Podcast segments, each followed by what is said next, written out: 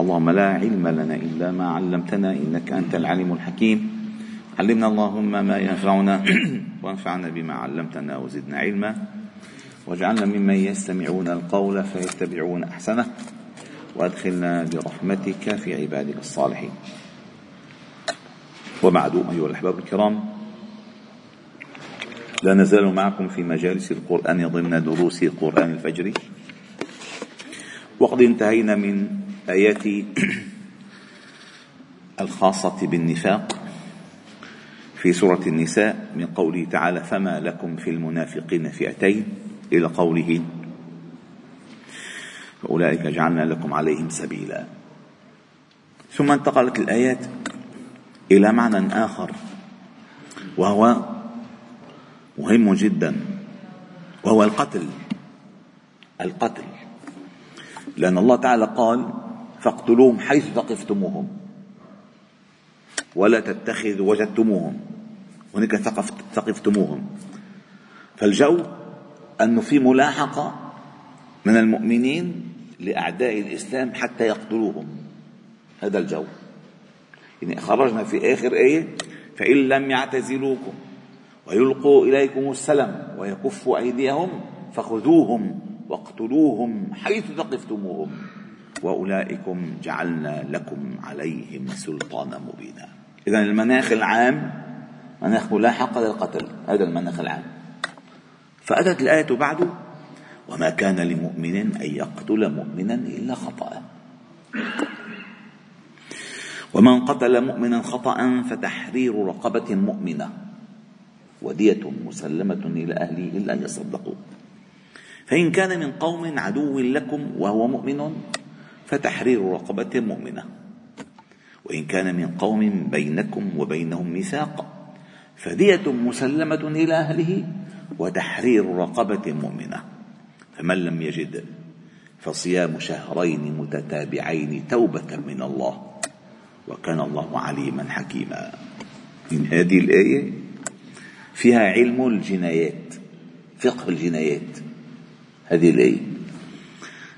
العمومي إن في القتل لم يذكر الله هنا قتل الخطأ قتل العمد ولا شبه العمد إنما قتل إنما, إنما ذكر قتل الخطأ.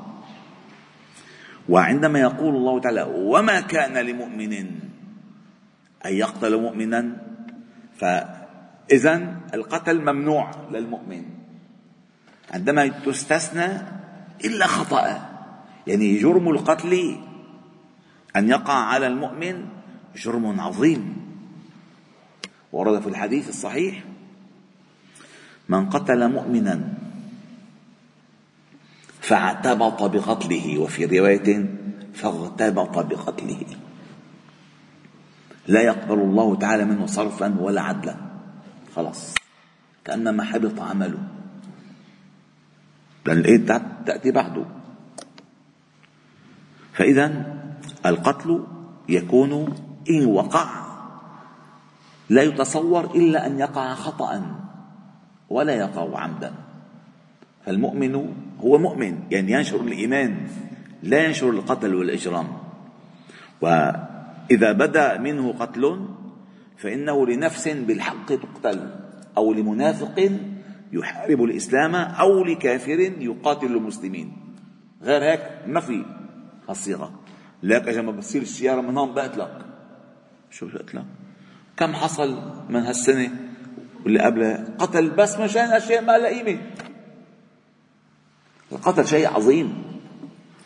كانوا يحكوا لنا آبائنا وأجدادنا إنه بالبلد هون بطرابلس. عندما مثلا يقتل مقتول أو يوجد رجل مقتولا البلد تسكر. خوفا من نزول غضب الله عليها. يا لطيف. قتل هلا الناس الدماء صارت رخيصة؟ رخيصة. مئات آلاف. عدوا. أربعين ألف إلى الآن. في غزة أربعين ألف. شو أربعين ألف؟ ثلثهم أطفال. هذه حقوق الطفل. بيغنوا لي عليها. ثلثهم أطفال. والباقي كله مدنيين. لأن العسكر ما حيقول ده اللي خسر خسر بس المحصل مقتول غير المدفون. غير المدفون. أربعون ألفا. هلا الناس امبارح من كانوا يحتفلوا بفالنتاين وبكرة بيحتفلوا شو اسمه؟ آخر همهم. القدر صار رخيص صار الدم يسفك هكذا. وأعظم جرم يوم القيامة في المقاضاة الدماء. ورأي في الحديث إن أول ما يقضى بين الخلق يوم القيامة في الدماء يقول يا ربي فيما قتلني؟ ليش قتلني؟ فالقتل شأنه عظيم. ولكن إن وقع يقع. يقع القتل. ولكن ينبغي أن نعلم لماذا وقع القتل. فقال الله تعالى هنا وما كان لمؤمن أن يقتل مؤمنا إلا خطأ. ثم ذكر الحل لمن قتل مؤمنا خطأ. وذكر هذه الأمور وسنذكرها تباعا بعد أن نذكر لكم سبب نزول هذه الآية. والخطأ ما هو الخطأ أولا حتى نعرف ما هو الخطأ؟ أن لا يقصد قتله. يعني مثلا واحد اجى على البيت وجد أنينة قال له وعطشان الواحد فيه؟ قال له لك شرب. طلعت بقلبها كاز أو سم ومات. مات خطأ هو عم يرجع بالسيارة منه جايب حدا وراه. ضربه مات خطأ يعني هو لا يمكن أن يتصور أن هذا الفعل فعل قتل. هذا هو فعل القتل الخطأ. فهو ما قصد قتل وما فعل فعلا يراد منه قتل إنما عم يعطيها بشغلة. هلأ شوفوا سبب النزول مخيف لأن سبب النزول هو قصد القتل ولكن الله تعالى سماه خطأ. شوفوا الصورة ما أجملها قال نزلت هذه الآية في عياش بن أبي ربيعة المخزومي يعني من قريش الكبار. وذلك أنه أتى النبي صلى الله عليه وسلم بمكة قبل الهجرة فأسلم. ثم خاف أن يظهر إسلامه لأهله فخرج هاربا إلى المدينة. وتحصن في أطم من آطامها أي في حصن. فجزعت أمه لذلك جزعا شديدا وقالت لابنيها الحارس وأبي جهل بن هشام وكانوا إخوة لأمه. والله لا يظل لا يظلني سقف ولا أذوق طعاما ولا شرابا حتى تأتوني به. فخرجا في طلبه وخرج معهما الحارث بن زيد ابن أبي أنيسة.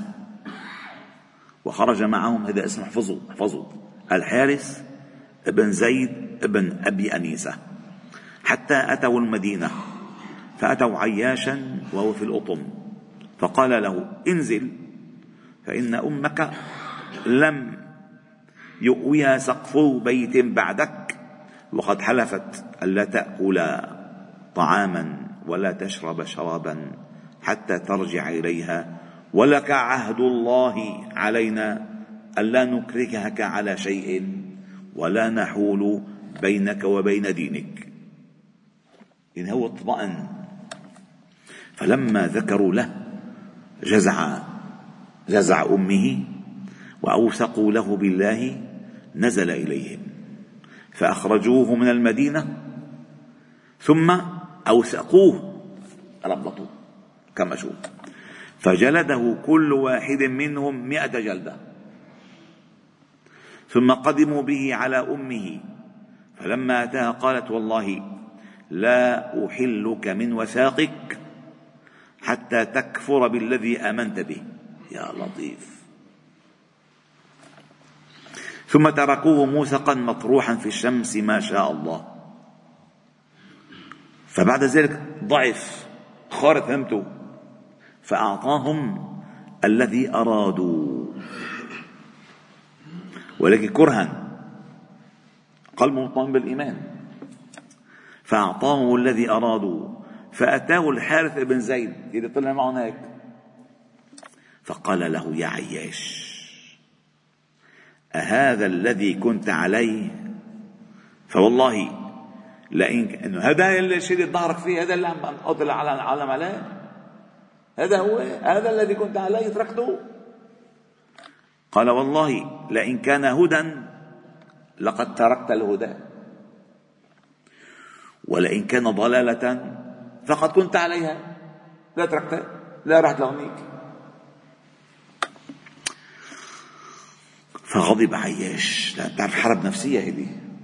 حرب نفسية. إيش عمل لك عمل لي مسلم ستفتح القدس. كم كف استسلمت؟ منك انت منك منك قبض الدين أصلا. يعني عم يستفزه. فحلف عياش وقال والله لا ألقاك خاليا ابدا إلا قتلتك. لك علي الا أجدك في مكان يمكنه قتلك إلا قتلتك. ثم إن عياشا أسلم بعد ذلك أي تاب وهاجر إلى وهاجر إلى وسلم. ثم بعد ذلك أسلم من؟ الحارث بن زيد. أسلم. وهاجر صلى الله عليه وسلم ولم يكن عياش حاضرا يومئذ في المدينة. فما علم بإسلامه. فبين عياش يسير بظهر قباء فيت على قباء إذ لقي الحارث وجده فقتله. فقال الناس ويحك أي شيء صنعت؟ إنه أسلم. يا الله. وقتله ولا يعلم أنه مسلم. فقال الناس أي شيء صنعت؟ إنه أسلم. فقال يا رسول الله قد كان من أمري وأمر الحارث كذا وكذا وإني لم أشعر أي أم لم أعلم بإسلامه حتى قتلته. فنزل وما كان لمؤمن أن يقتل مؤمنا إلا خطأ. طيب وقع الأمر. ازرع الضأني؟ لا ما في ازرع الضأني. في علاجها الخطأ. ومن قتل مؤمنا خطأ فتحرير رقبة مؤمنة. وهنا الشرط أن تكون الرقبة مؤمنة. لأن المقتول خطأ. مين مؤمن ولا من مؤمن؟ مؤمن. فإذا أخرجت أنت بخطئك حياة أو إنسانا من حياة فعليك أن تفعل شيئا تجبر هذا الكسر بأن تخرج إنسانا مؤمنا من حياة الرق إلى حياة الحرية. فأخرجت نفسا مؤمنة من حياة الرق والعبودية إلى حياة الحرية. فهذه بهذه. فتحرير رقابة مؤمنة ودية مسلمة إلى أهله إلا أن يصدقوا. هذه الدية يدفعها إلى أهله إلى أهل القتيل وهذه الدية يدفعها معه أهله. ليس وحده. يعني أهل القاتل الخاطئ يشاركون في دفع الدية إلى أهل المقتول جميعا. طيب لماذا الله حملهم على لذلك؟ لأنهم لأن هؤلاء لما مات أخذوا الدية فورثوا منه جميعا من ديته. وهذا المقتول لو كان لو هذا القاتل لو كان هو المقتول لكانوا كذلك أخذوا ديته واقتسموا عليه. فالغرم بالغنم الغرم بالغنم تأخذه آه، غنما كذلك تدفعه غرما. قال ودية مسلمة إلى أهله إلا أن يصدقوا. ما قال إلا أن يعفوا إلا أن يصدقوا أن يعتبروا ذلك صدقة. وهذا حث كبير من الله إلى التساهل بالديات. ده بدي 100 ناقة. قرا حديث وواحد راح له بالغلط اكسدون سيارة قال له بدي 100 ناقة يا أخي شوفوا قد حقي. والا يصدقوا. وين العفو؟ لما بالقلب لو أنت القاتل لو أنت القاتل بالخطأ هكذا ترضى أن يفعل بك وبأهلك؟ إلا أن يصدقوا. فإن كان من قوم عدو لكم المقتول وهو مؤمن القاتل فتحرير رقبة مؤمنة ونطلع رقبة بس وما في دية. لأن إذا أعطيناهم الدية يتقووا بها علينا فما في دية. فوقع الخطأ فنحن نحسب بنطلع واحد مؤمن من الرق بنطلعه على الحرية.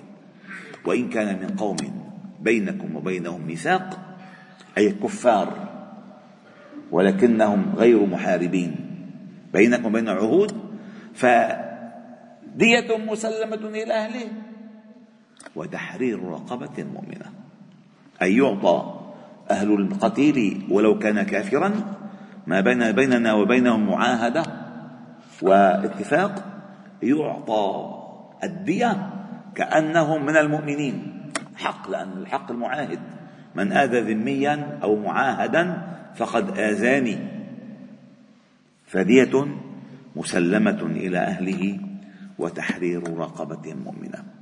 ونلاحظ أن في ثلاثة أنواع الرقبة المؤمنة تذكر دائما. رقبة رقبة رقبة.